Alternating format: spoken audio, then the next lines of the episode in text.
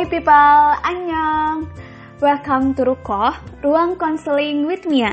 Nah, kenalin, aku Mia Solihatunisa, mahasiswa bimbingan konseling Islam semester 6 UIN Sunan Gunung Jati Bandung.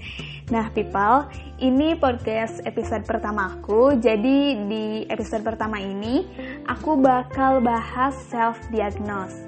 Nah, pernah gak sih kalian ngerasa stres, terus sedih, terus kalian melabelkan diri gitu? Contohnya, wah aku kena depresi nih kayaknya, atau aku moodnya sering naik turun, jangan-jangan aku kena bipolar gitu. Nah, itu tuh kalian udah nge-self diagnose sendiri gitu. Nah, karena self diagnose ini kan berawal dari apa pun yang kita baca gitu.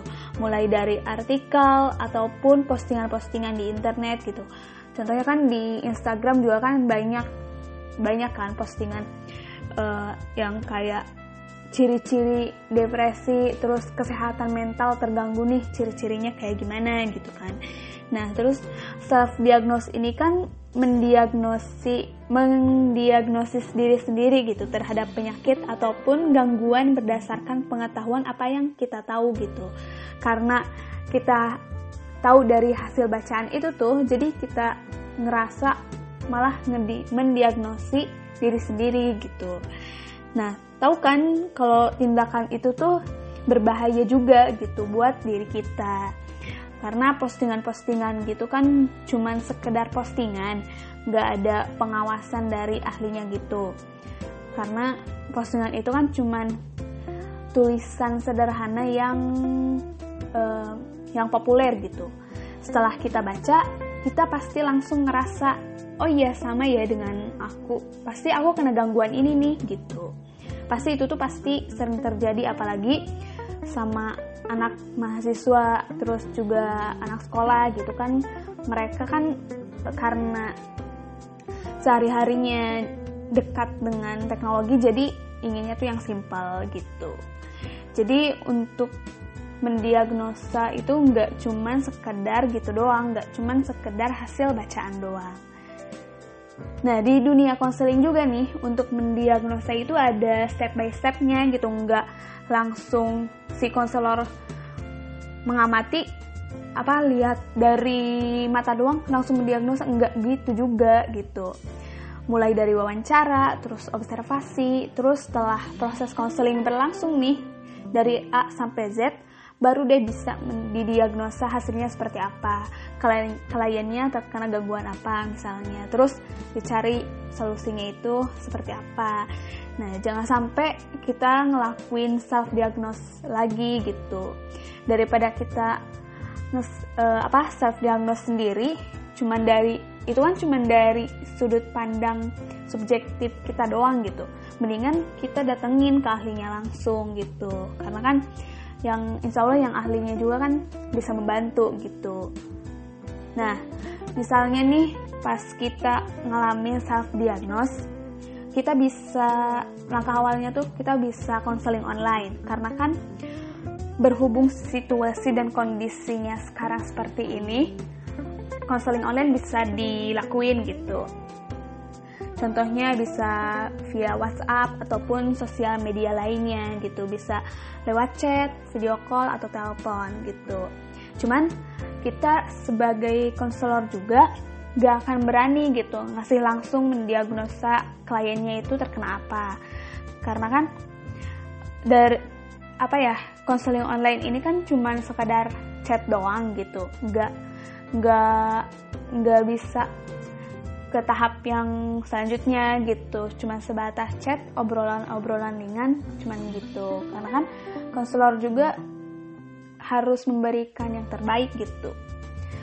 Terus setelah konseling online nih pas kamu butuh banget untuk melakukan konseling terus juga kamu ngerasa konseling itu butuh kamu bisa lakuin konseling offline. Nah kamu bisa nyari konselor ataupun psikolog-psikolog karena kan di puskesmas sekarang juga kan ada tuh setiap puskesmas tuh ada psikolog. Nah itu tuh bisa jadi langkah awal kamu cerita apa yang kamu sedang rasain gitu. Terus juga kan ini kasusnya berbeda-beda jadi psikolog ataupun konselor juga bakal melakukan tahap yang berbeda-beda. Terus juga mungkin ada yang butuh konseling teratur ataupun psikoterapi gitu, tergantung dari si kliennya. Nggak nggak apa ya nggak tiba-tiba dikasih ini gitu, karena kan ibarat kata tuh kayak dokter ya. Kita datang ke dokter mana mungkin langsung minta resep obat gitu. Terus um, pasti si dokternya juga butuh observasi, butuh butuh pengecekan yang lain gitu. Sama kayak dokter kita juga. Nah, terus kan sekarang zamannya modern kan karena zaman modern serba digital, pasti semua orang tuh ngerasain yang kayak gitu gitu. Contohnya ketika pas ngalamin sakit perut terus uh, kita biar lebih simpel langsung searching di Google. Terus si sakit perutnya itu termasuk ciri-cirinya usus buntu. Nah langsung deh kita mendiagnosi mendiagnosa diri sendiri bahwa kita tuh punya penyakit usus buntu. Itu tuh nggak bisa langsung gitu aja gitu Nah, ketika kamu mengalami kejadian seperti itu, jangan sampai kamu mendiagnosa diri sendiri gitu. Tapi bisa juga tanya ke orang sekitar gitu, misalkan keluarga kamu. Nah, terus juga kan itu um, gangguan kamu itu ngeganggu gak ke aktivitas sehari-hari kamu. Kalau misalkan masih wajar ya nggak apa-apa gitu. Kecuali kalau misalkan udah udah di tahap serius, kamu bisa tanyain ke orang sekitar dulu bahwa di tubuh kamu itu ada yang berbeda enggak pada sebelumnya. Kalau misalkan ada yang berbeda, itu langsung uh, datang ke ahlinya. Jadi daripada kamu mendiagnosa yang enggak enggak, kamu bisa cari konselor untuk sharing cerita, berbagi cerita kamu gitu. Nanti dikasih jalan keluarnya seperti apa. Karena konselor juga kan uh, gimana ya? Punya asas-asas tertentu gitu nggak sembarang bisa diceritain ke orang-orang gitu kita juga ada asas kerahasiaan gitu yang bisa menjaga cerita kamu dari A sampai Z mungkin gitu, seperti itu Nah, teman-teman, mungkin itu sharing pertama kita tentang self diagnose di ruang konseling. Thanks ya udah mendengarkan. Bye.